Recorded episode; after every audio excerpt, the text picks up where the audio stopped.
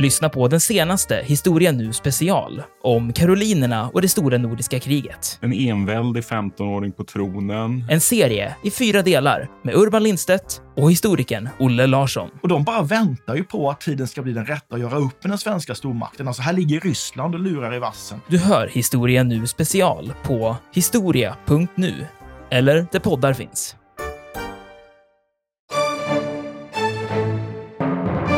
Man undrar då vad är det man gör? Man håller upp henne i luften och så tittar hon in genom en portal. Ja, tolken säger att hon skådar in i det dödas värld. Första gången, ja, då såg hon sina föräldrar, andra gången andra döda släktingar, tredje gången då såg hon sin herre, alltså den här svenska affärschefen, vikingaledaren som har dött. Han sitter redan där inne i paradiset. Det är härligt grönt, fullt av män och slavar och han kallade på mig. För mig till honom, säger hon sen. Och därefter skar hon halsen av hönan. Så det här är förberedelse inför att den här trälkvinnan ska offras.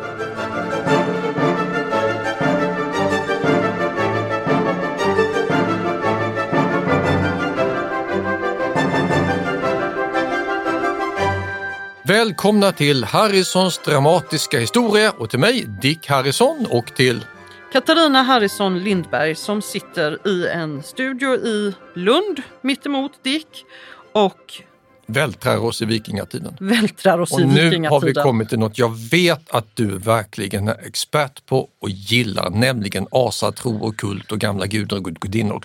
Vad tror vi oss idag veta om detta? Ja, jag vet ju inte vad folk tror att de vet, men jag skulle tro att eh, många ser framför sig en stor samling gudar, en massa spännande, lite dråpliga rafflande berättelser med sagor. Och eh, kanske en del eh, märkligheter som offer och blot och så. Det skulle man kunna tänka sig att man har lite koll på. Mm. Men sen kommer forskningen in med lite pekpinnar. Ja, det är klart den gör som vanligt. Det är ju aldrig så roligt som man kan förvänta sig att det ska vara. Man kan väl enkelt säga, nu ska vi ju ägna ett helt program åt det här, men man kan väl kort säga att religionen är kanske lite mer mångfacetterad än vad man vanligtvis tänker sig. Eh, det finns många gudar och gudinnor som inte, de är liksom inte infogade i någon fast hierarki utan de åtnjöt liksom olika typer av kulter och popularitet lite grann beroende på ja, vilket lokalsamhälle man befann sig i. Så att alla trodde inte lika mycket på alla gudar. Det var inte så enkelt som att ah, om vi vill ha Oskar nästa vecka, då ber vi till Tor och om vi vill ha god eh, krigföring nästa vecka, då snackar vi med orden och om vi känner att vi vill bli ihop med vår grannes lilla syster så försöker vi... Lotar vi åt Freja. Ja precis, det, var så, det gick inte riktigt till så. Utan det var mycket mer sannolikt att man hade en huvudgud som man faktiskt höll sig till även om man kände till de andra. Så mm, det kan man väl säga lite kortfattat. Men sen fanns det ju en massa sådana här väsen och övernaturligheter som man också gick och trodde på. Förfäder och ja. Och sen alla de här berättelserna då. Tors kamp mot jättarna och eh, Trym och eh, de där berättelserna som man hör när man är liten. Det är, det är inte religion då? Utan... Nej, det är ju inte religion i strikt bemärkelse utan eh, gudarna har ju, och det här gäller ju till exempel faktiskt också om man tittar på på den grekiska mytologin, alltså man berättar ju sagor också med de här gudarna. Så att de har ju två helt olika roller. Dels är de gudomligheter som man vänder sig till för att få stöd och hjälp. Vars, man kan ha amuletter med dem runt halsen eller man, ja, precis som man tänker sig att eh, ja, kristna eller judar eller muslimer eller så, ja, man hanterar sin religion på det sättet. Men det finns också massor med historier som man har berättat som underhållning och spänning som inte har varit religion. Och som då kan överleva långt in i modern tid. Ja precis, för de, de här berättelserna de har man ju fortsatt att, att berätta även efter att vi har blivit kristna här, här i, i vår del av världen. Så att man har inte uppfattat dem som religiösa berättelser. Mm. Utan det har varit berättelser som man kan fortsätta berätta även om man är en god kristen. Ja. Så just nu, för den här poddens del, lägger vi dem åt sidan. Alla de här spännande Loke-berättelserna. Vi kan återkomma till dem, men just nu så tar vi alltså oss an själva religionen. Vad är det man gör? Kult, blot, religionsutövande innan kristendomen kommer.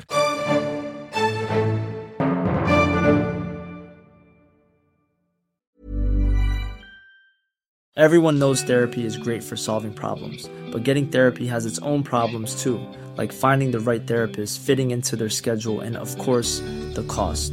Well, BetterHelp can solve those problems. It's totally online and built around your schedule. It's surprisingly affordable too. Connect with a credentialed therapist by phone, video, or online chat, all from the comfort of your home. Visit betterhelp.com to learn more and save 10% on your first month. That's BetterHelp, H E L P. Mom deserves the best, and there's no better place to shop for Mother's Day than Whole Foods Market. They're your destination for unbeatable savings, from premium gifts to show-stopping flowers and irresistible desserts. Start by saving 33% with Prime on all body care and candles. Then get a 15-stem bunch of tulips for just $9.99 each with Prime. Round out Mom's menu with festive rosé, irresistible berry chantilly cake, and more special treats. Come celebrate Mother's Day at Whole Foods Market. Millions of people have lost weight with personalized plans from Noom, like Evan, who can't stand salads and still lost 50 pounds. Salads, generally, for most people, are the easy button, right? For me, that wasn't an option. I never really was a salad guy. That's just not who I am. But Noom worked for me. Get your personalized plan today at Noom.com. Real Noom user compensated to provide their story. In four weeks, the typical Noom user can expect to lose one to two pounds per week. Individual results may vary.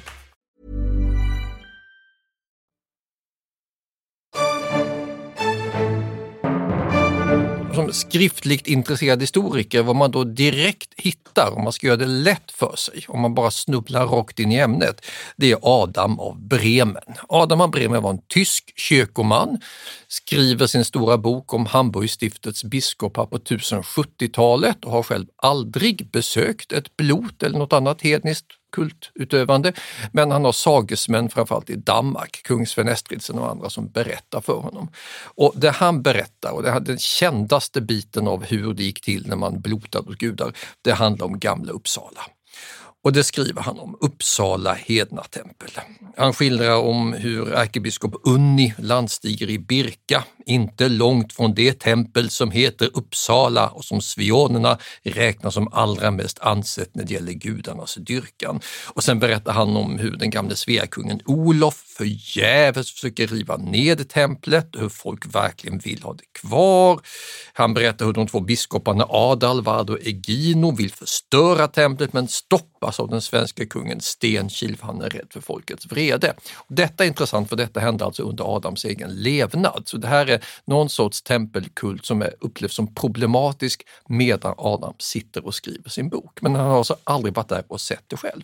Så vad är det han då skriver om den här kulten? Ja, och Adam han levde ju då på 1000-talet ska vi kanske säga. Så att- 1070-talet sitter han och skriver. 1070-talet sitter han och skriver. Och jag menar, det här är en lång text, men eh, vi kan väl ge ett smakprov då, ett litet utdrag ur detta. Och eh, det här kommer ur Adams fjärde bok som handlar just om det här templet. Då låter det så här. Detta folk har ett berömt tempel som kallas Uppsala, beläget inte långt från samhället Sigtuna. I detta tempel, som är helt och hållet prytt med guld, dyrkar folket bilder av tre gudar. Den mäktigaste av dem, Tor, har sin tron mitt i salen. På var sin sida om honom sitter Oden och Frej. Man säger att de har följande betydelser.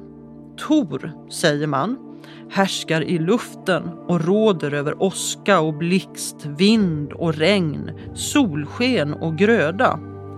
Oden, det vill säga raseriet, styr krigen och ger människan kraft att bekämpa sina fiender.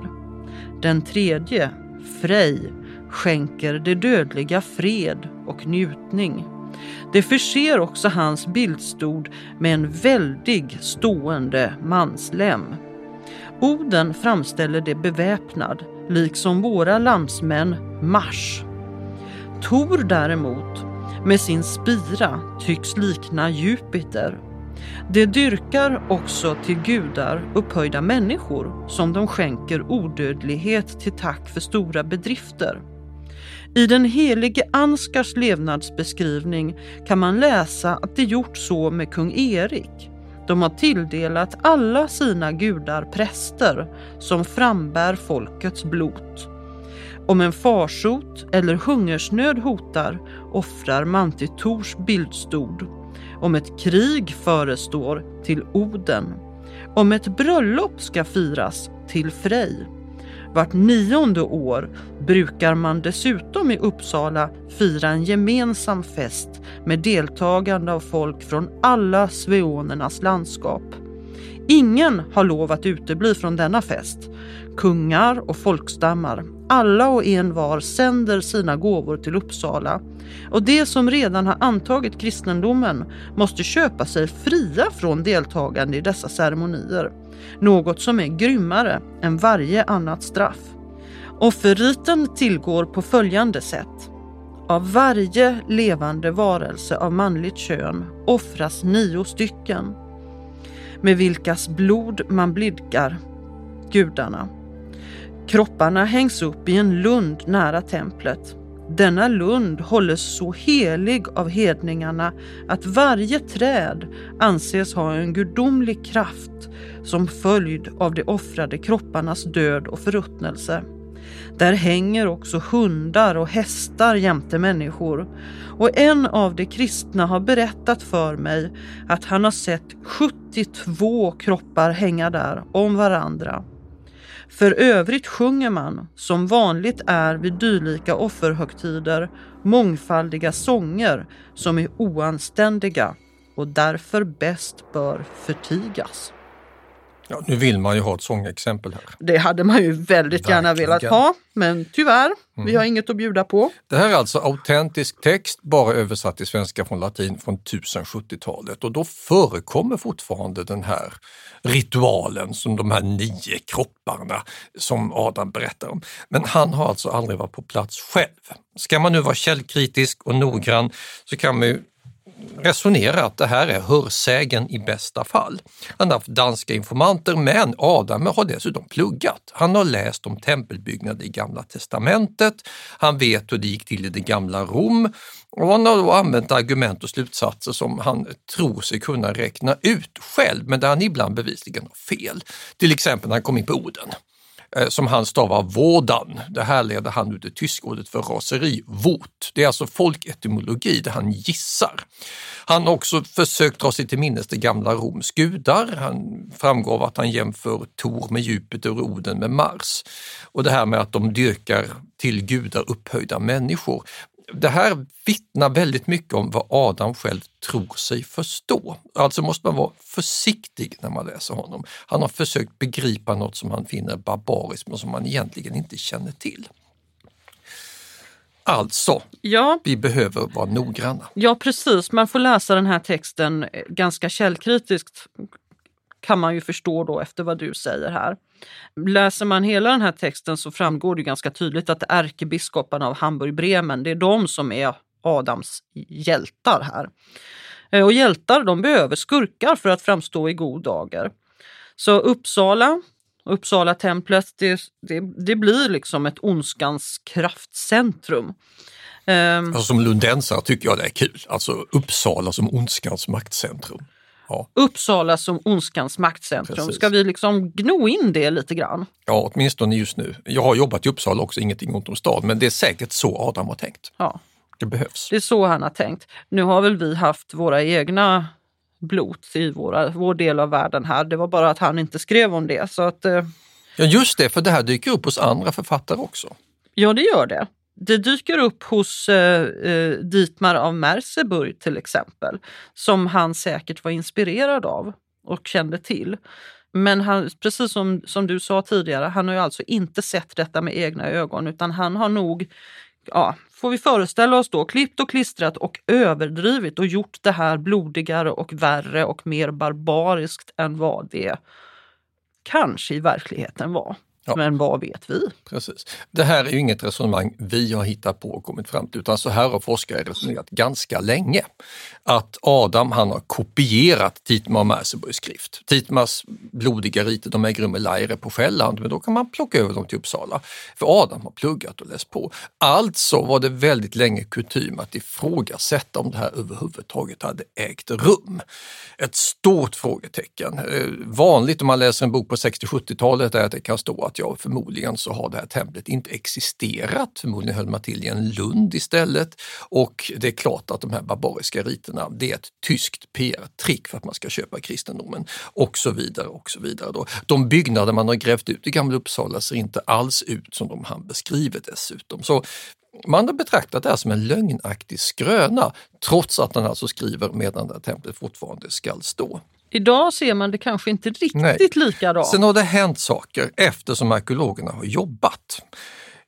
Inte i Uppsala, där har man hittat en massa andra spännande saker än tempel, men man har hittat tempel eller kulthus som arkeologer kallar det, lite överallt. Och de har verkligen expanderat vår kunskap de senaste 20-30 åren. Man har hittat många sådana här kulthus. Borg utanför Norrköping, där hittade man ett sånt man skulle göra med E4. Uppåkra i Skåne som vi har pratat om tidigare.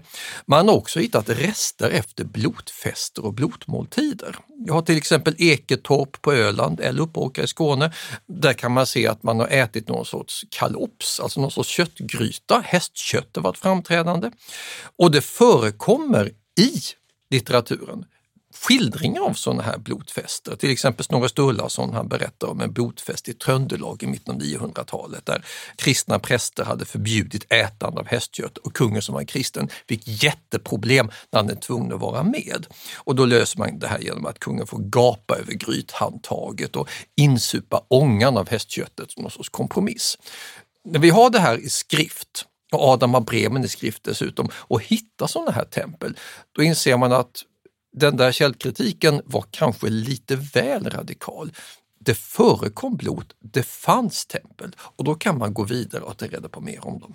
Ja, för det, när det gäller just templen, om man hade frågat folk för, vi säger 30 år sedan, då hade man avfärdat det här med tempel helt och hållet för man hade inte grävt ut några tempel.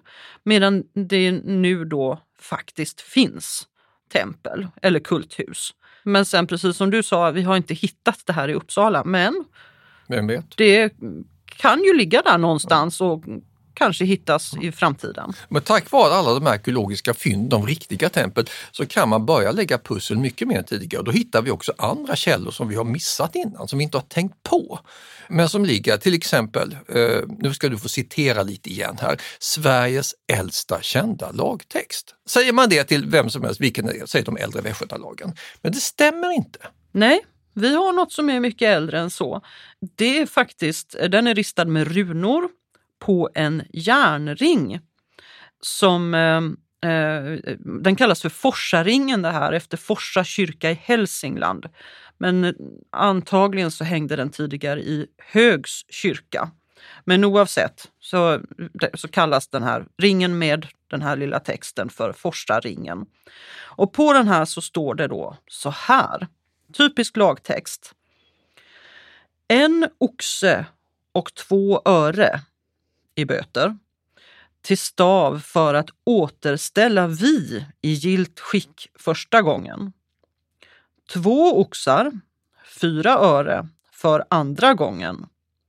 Men för tredje gången fyra oxar och åtta öre och all egendom i kvarstad om han icke gör rätt för sig. Det som folket äger att kräva enligt landets lag det blev förr stadgat och stadfäst. Men det gjorde sig detta, Anund i Tosta och Ofeg i Hjortsta. Vi, Björn, ristade. Vad är detta Dick? Mm. Det är ett ord som är intressant här, för att återställa vi. För att Gilt återställa skick, vi precis. i gilt skick. Ett vi är en förkristen kultplats. Ja. Som Odens vi, Odense eller Visby Mm. dyker upp i gamla ortnamn. Eh, Den här texten som ju låter väldigt torr när man hör den uppläst så här. Det handlar om vilka böter man ska betala om man har varit inne och sabbat ett vis, stört eller vanhelgat eller gjort något dumt bus på en helig kultplats, då ska man böta på det här sättet. Och det här är något som vi idag kanske skulle kalla stadgan om underhållsplikt också. Det här viet måste vara bra ordentligt. Den som inte fullgör sin del av ansvaret skall bestraffas efter en stigande bötesskala. Eh, och det här var så pass viktigt att detta ristade man alltså in på en sån här ring. Och visst, ringen den har hamnat på kyrkor senare. Men den satt säkert inte på en kyrka från början. Nej, Troligtvis, det kan den ju inte ha gjort. Nej, vi är ju ingen kyrka, det är ju raka motsatsen. Utan kyrkan har approprierat och tagit över det här. Troligen stammar ringen från 800-talet, vilket är långt före de kristna lagarnas och svenska kungarikets tid. Nu är det väldigt svårt att sätta in den här i ett större sammanhang. Vi vet alltså inte var den hängde eller var den låg ursprungligen.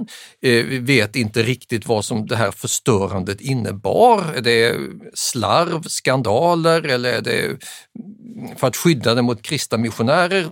Ingen aning. Och det stav dyker upp också. Alltså en oxe och två öre i böter till stav. Ja, är det en stavgård med palissad eller är det en gudabild? Vi vet inte vad folket och landet syftar på eller vad de här Anund och ofeg är för några. Så här har vi idel frågetecken. Men vi har möjlighet att lägga pussel.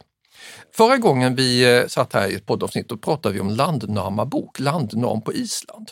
Alltså när man koloniserade Island. Och I den här boken som handlar om hur kolonisatörer och kolonister skapar gårdar och sina egna små tempel, där nämns något som heter stallarringar. Stallarringar, stora, ordentliga, kraftfulla järnringar, de använde man vid heliga handlingar, vid blod. Man smorde dem med offerdjurets blod. Annars vilade de på stallar, det vill säga altaren med gudabilder, som symboler för fred, lag och ordning. Och de här stallarringarna de bars vid högtidliga tillfällen fram av den lokala kultledaren, hednaprästen eller goden som han heter på Island. Och I samband med viktiga rättshandlingar på tinget, när man skulle vara helt säker på att so help me God, jag talar sanning, då svär man edre på den här ringen. Och sådana här när man är väl medveten om att det fanns sådana här ringar, då kan man vända blicken mot Västergötland. Titta på Sparlösa stenen, en av Västergötlands häftigaste och mest spännande runristningar. Då har man avbildat en sån här ring på någon sorts speciell byggnad, gissningsvis ett vi eller ett tempel. Och lägger man ihop allt det här, då får vi ganska många ledtrådar att det här har förekommit i kulten. Stallarringar, blodet, blodet och sen kommer kyrkan, tack och lov i det här fallet, och tar över den så att den bevaras in i våra dagar. Ja, och det kanske egentligen inte är så märkligt för att om man tänker sig, det är inte första gången och enda gången som man kan tänka sig att det har funnits en kultplats, ett vi, och sen har kristendomen kommit till orten och man har behövt få folk att föredra kristendomen framför den gamla religionen och då kan man mycket väl ha tagit över den här platsen och kanske byggt en kyrka på eller alldeles bredvid och då kan man ju ha tagit över det här föremålet. Det är inte alls märkligt. Nej.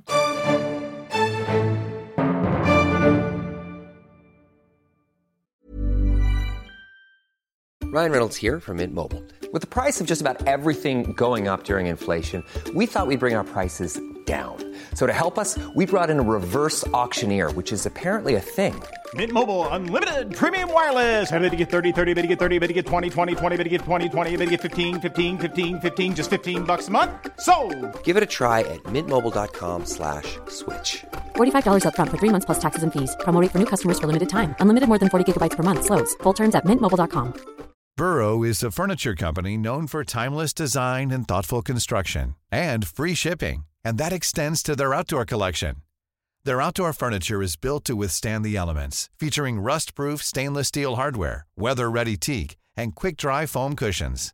For Memorial Day, get 15% off your Burrow purchase at burrow.com slash ACAST and up to 25% off outdoor. That's up to 25% off outdoor furniture at burrow.com slash ACAST. Millions of people have lost weight with personalized plans from Noom like Evan, who can't stand salads and still lost 50 pounds. Salads, generally, for most people, are the easy button, right? For me, that wasn't an option. I never really was a salad guy. That's just not who I am. But Noom worked for me. Get your personalized plan today at Noom.com. Real Noom user compensated to provide their story. In four weeks, the typical Noom user can expect to lose one to two pounds per week. Individual results may vary.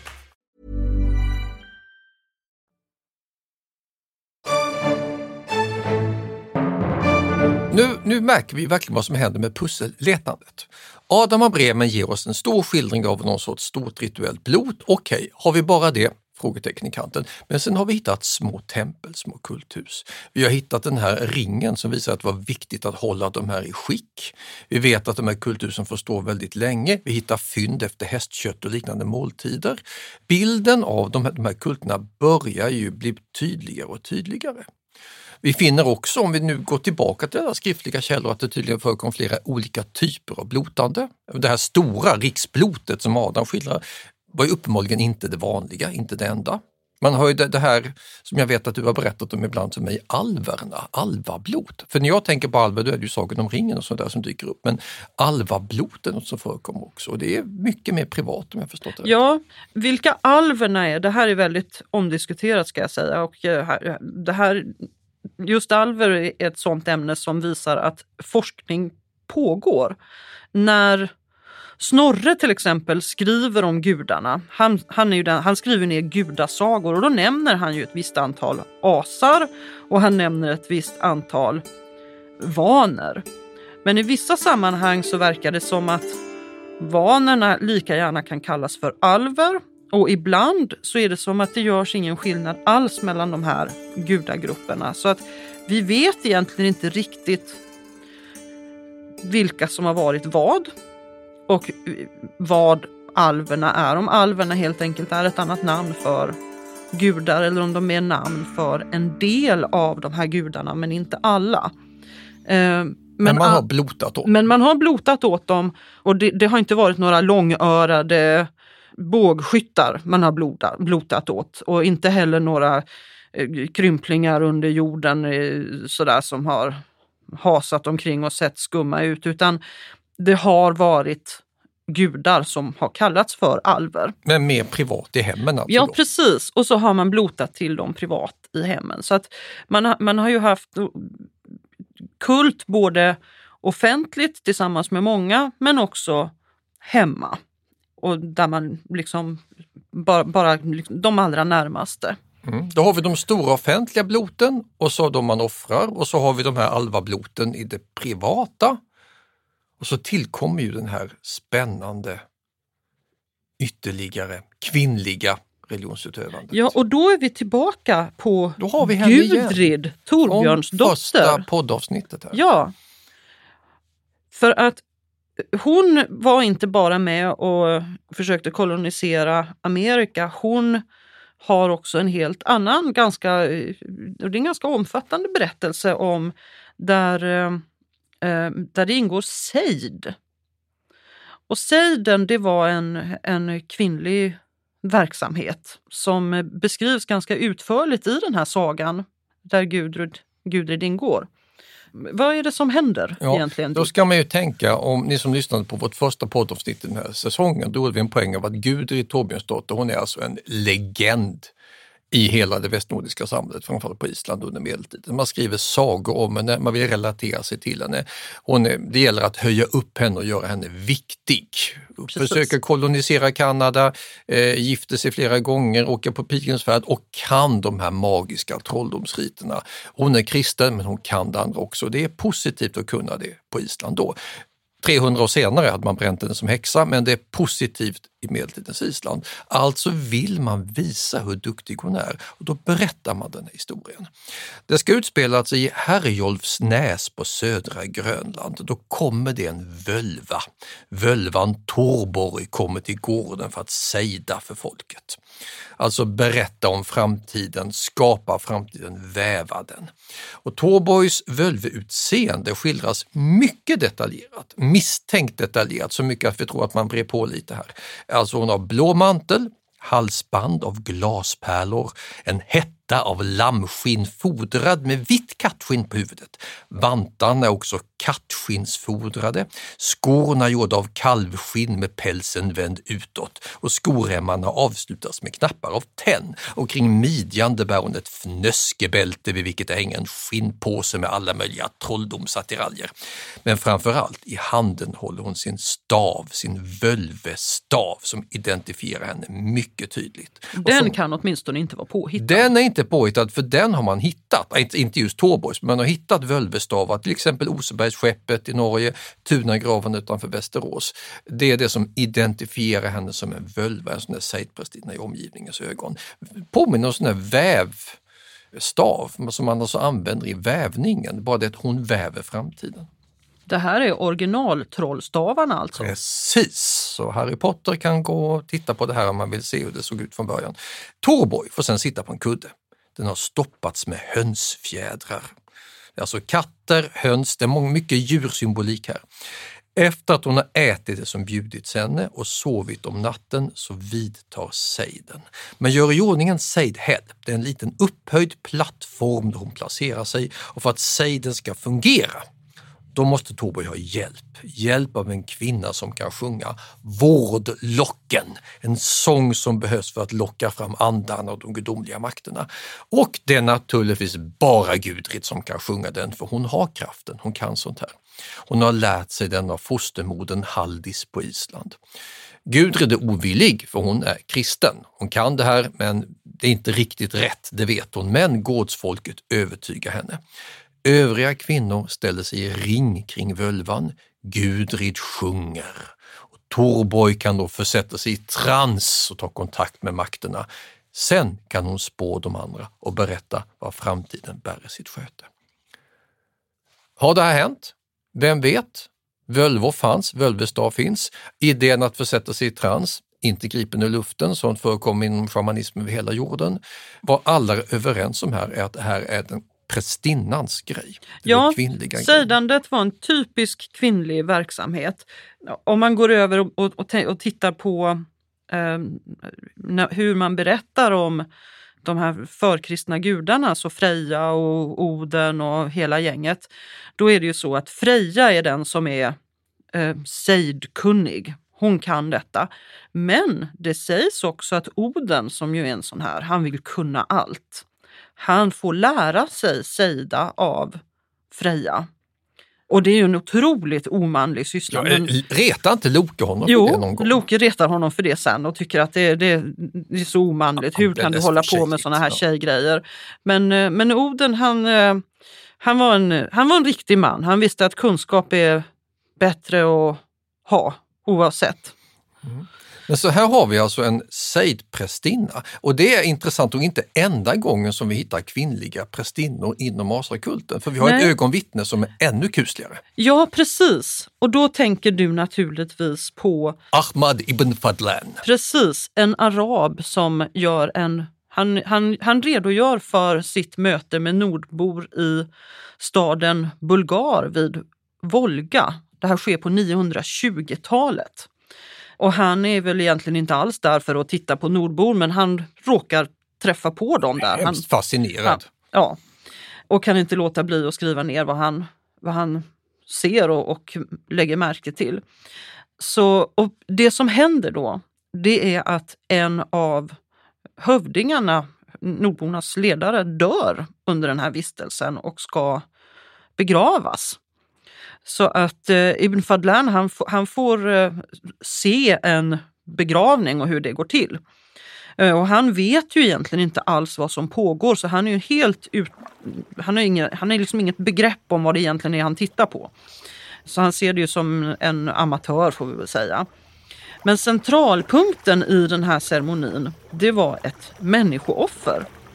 Där man tog en slavinna, en trälkvinna som, eh, eh, som skulle dödas och då läggas på det här bålet som man bygger upp för den här avlidne härskaren. Och då börjar det med att de här nordborna de tar den här trälkvinnan till en portal som man har byggt upp. Och där så, så lyfter man upp henne så att hon kan liksom se igenom den här portalen och så säger hon en del. Ja, hon säger någonting där. Som han inte fattar. Nej, alltså, han, han, förstår ju inte, han förstår inte vad det är han ser. Och den här ritualen den upprepas två gånger. Därefter så får hon en höna som hon skär halsen av. Och så slänger hon bort hönshuvudet. Men den här djurkroppen den placeras också på det här stora skeppet bredvid den här portalen. Och Ibn Fadlan han måste ju vara helt begeistrad och eh, fascinerad och kanske lite rädd. Det är säkert spänd vad som ska hända. Ja. Han har ju en tolk bredvid sig. Han undrar då vad är det man gör? Man håller upp henne i luften och så tittar hon in genom en portal. Ja, tolken säger att hon skådar in i det dödas värld. Första gången ja, då såg hon sina föräldrar, andra gången andra döda släktingar, tredje gången då såg hon sin herre, alltså den här svenska affärschefen, vikingaledaren som har dött. Han sitter redan där inne i paradiset. Det är härligt grönt, fullt av män och slavar och han kallade på mig. För mig till honom, säger hon sen. Och därefter skar hon halsen av hönan. Så det här är förberedelse inför att den här trälkvinnan ska offras. Precis. Nu kan man ju då lägga in att det är helt orimligt att den här översättningen stämmer. För att eh, tolken Tolken kan ju ha brett på, missförstått. Ja, men framförallt så skulle eh, nordborna aldrig ha erkänt att Herren sitter i någonting som kallas för paradiset. Precis. Så det är ju en översättning som, är, som fungerar för honom för att han ska kunna förstå vad det är som pågår. Men, men för nordborna så fanns det ingenting som hette paradiset eller himlen eller sådär, utan det, eh, det var inte där man hamnade när man dog. Um, Först och han står alltså och tittar på allt ja. det här. Allt händer väldigt fort och nu ska hon föras ombord Precis. på det här skeppet. Det som händer sen, det är att männen för henne upp till det där skeppet som man har förberett då. Och där får hon dricka stora mängder öl. Hon blir jättefull, eh, vilket nog är lika bra. För därefter så tar man in henne i ett tält. Det här tältet har man då rest på skeppet och i det tältet så har man så, så sitter eller ligger den här döde mannen. Och männen de börjar slå på sköldar med några pinnar eh, för att de andra närvarande som står och tittar på inte ska höra riktigt vad som pågår inne i tältet. För där inne eh, får vi då förstå jag antar att Ibn Fadlan faktiskt inte ser det här utan att han någon bara, berättar för någon honom. berättar för honom. Men det han får höra är i alla fall att de här Sex män går in med henne i tältet och de ligger med henne. Och när de är färdiga så eh, lägger de henne bredvid den här döde mannen och eh, de håller fast henne och en kvinna då, ja en prästinna kanske vi skulle kunna säga. De kallar henne för dödsängeln, kommer dit och stryper den här trälkvinnan med ett rep som hon virar runt halsen på henne och drar åt. Och eh, samtidigt så hugger man henne också med, eh, med en kniv i, i bröstet så att hon dör på två sätt. Strypning och ihjälstucken efter Ja. att ha blivit rituellt våldtagen sex gånger. Det är ett människooffer. Ja, det är ett rejält människooffer kan vi säga. Och sen ska då The Viking Funeral ta plats. När allt det här är klart, då kommer den döde herremannens närmaste frände fram, helt naken med brinnande fackla i handen, vandrar baklänges mot skeppet med ansiktet vänt mot åskådarna och där för han facklan mot ett träd som har samlats ihop och så brinner allt upp.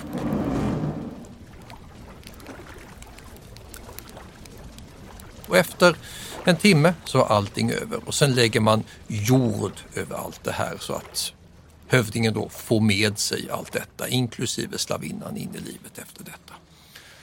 Och det här är då, sen kan man tolka det här som att Ibfadan har fått höra helt tokiga saker av sin tolk, men han är på plats och ser det här. Ja, en del är ju i alla fall sånt som han kan se. Så att även om några saker kanske kan ja, vara lite märkliga felöversättningar eller så, så så visst kan han ju faktiskt se med, med egna ögon och jag menar den här typen av begravningar, det har man ju faktiskt grävt ut så man vet ju att man har begravt människor i högar, man vet att man har bränt skepp.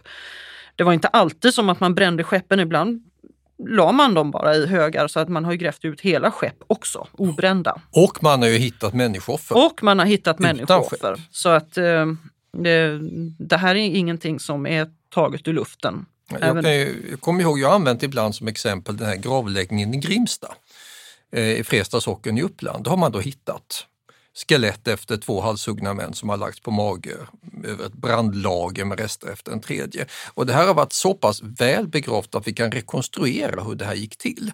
Först har man då bränt den döde på bål med häst, hund och rovfågel och diverse personliga ägodelar. Sen när lågorna har falnat, då har släktingar samlat ihop bålresterna, fört dem till gravbacken i Grimsta, täckt dem med en stenpackning så när så på en rektangulär yta i mitten. Sen för man fram människooffren trälar gissningsvis. En i övre tonåren, en något äldre, båda möjligen med bundna fötter. Vi kan se när man rekonstruerar det här och tittar på skeletten att en av de här männen har protesterat, försökt fly och då har man slagit honom hårt i huvudet. Kanske dog han av slaget. Sen halshugger man dem och lägger dem framstupa i graven skavfötters bredvid varandra och de avhuggna huvudena placerades ovanpå de halshuggnas ryggar. Och slutligen täcker man allt det här med bålrester, sten, jord och grästorvor. Det här är kusligt. Ja, det är det. Det är riktigt ruggigt. Det intressanta för vår del är att vi vet det, för man kan rekonstruera det här i utgrävningar. Ja, och liknande begravningar ägde rum i Birka där har man ju också grävt ut eh, eh, gravar och eh, man har hittat bland annat då en halshuggen naken ung man. Vi får räkna med att han var en träl liggande över en begravd krigare med en stor vapenutrustning och ett älghorn. Den här krigaren, just, han brukar kallas för älgmannen just eftersom han har det här älghornet med sig i, i graven. Och med tanke på utrustningen och så, så får man nog föreställa sig att han har varit en ganska betydelsefull man i Birka. Och, och trälen, ja, en statussymbol att få med sig som en gravgåva som får följa med då i döden. Ja. Så som vi har kunnat se i den här podden så var det definitivt inte bättre förr för vissa personer i det här sammanhanget. Men allt det här vi har tagit upp idag är alltså förhållandevis nya rön där man har lyft upp arkeologi och jämfört det med vad som står i gamla källor. Ofta så får de här gamla texterna godkänt av arkeologin. Vi lär oss mer och mer om hur de här riterna gick till. Och vi har också kunnat se hur brokigt det var. Jag menar, sejd, något helt annat än människooffer, alvablot privat, riksblot något annat. Det har alltså varit, precis som du sa, bara en väldigt mångfacetterad religions utövande ja. som vi nu börjar komma åt mer och mer av. Ja, och det gör ju också att om någon frågar så här, hur gick det till för, hur såg den här religionen ut, så är det, så är det faktiskt ganska svåra frågor att svara på. Därför att det som har gällt på en plats behöver inte ha gällt på en annan plats. Man har alltså blotat på flera olika sätt. Vi har ju haft det här viet som i Odens vi eller Vä här i Skåne. Mm. Det är ju samma ord faktiskt. Visby. Eh, och Visby. Mm. Men man har ju också blotat i lundar, som den lund som faktiskt nämns hos Adam av Bremen. Vi har Torslunda och säkert en väldig massa, massa andra lundar som man har vänt sig till. Vi sitter i Lund just nu. Vi sitter i Lund just nu. Mm. Ja, ju mer vi tittar på de här källorna så vi, märker vi alltså hur levande forskningen är. Hade vi spelat in det här för 30 år sedan så hade ni fått ett helt annat program. Så forskningen går framåt med stormsteg. Och i nästa poddavsnitt då kommer vi fram till det som har väckt kanske störst uppseende när det gäller den rent nationella nivån. Vad det är som händer och förändras under vikingatiden där forskningen verkligen har ändrat sig. Nämligen hur våra riken bildades från början. För det tog vi för för givet att Sverige, Danmark och Norge, de har alltid funnits och så kan man spåra rötterna bakåt. I själva verket så var den här riksbildningen en väldigt traumatisk, ganska snabb fas under starkt yttre hot. Och det vet vi idag mycket mer om än tidigare. Så i nästa poddavsnitt då kommer vi in på de vikingatida riksbildarna. De som skapar våra riken eller åtminstone lägger de första pusselbitarna till. Väl mött då i podden. Mm. Harrisons dramatiska historia. Tack och hej!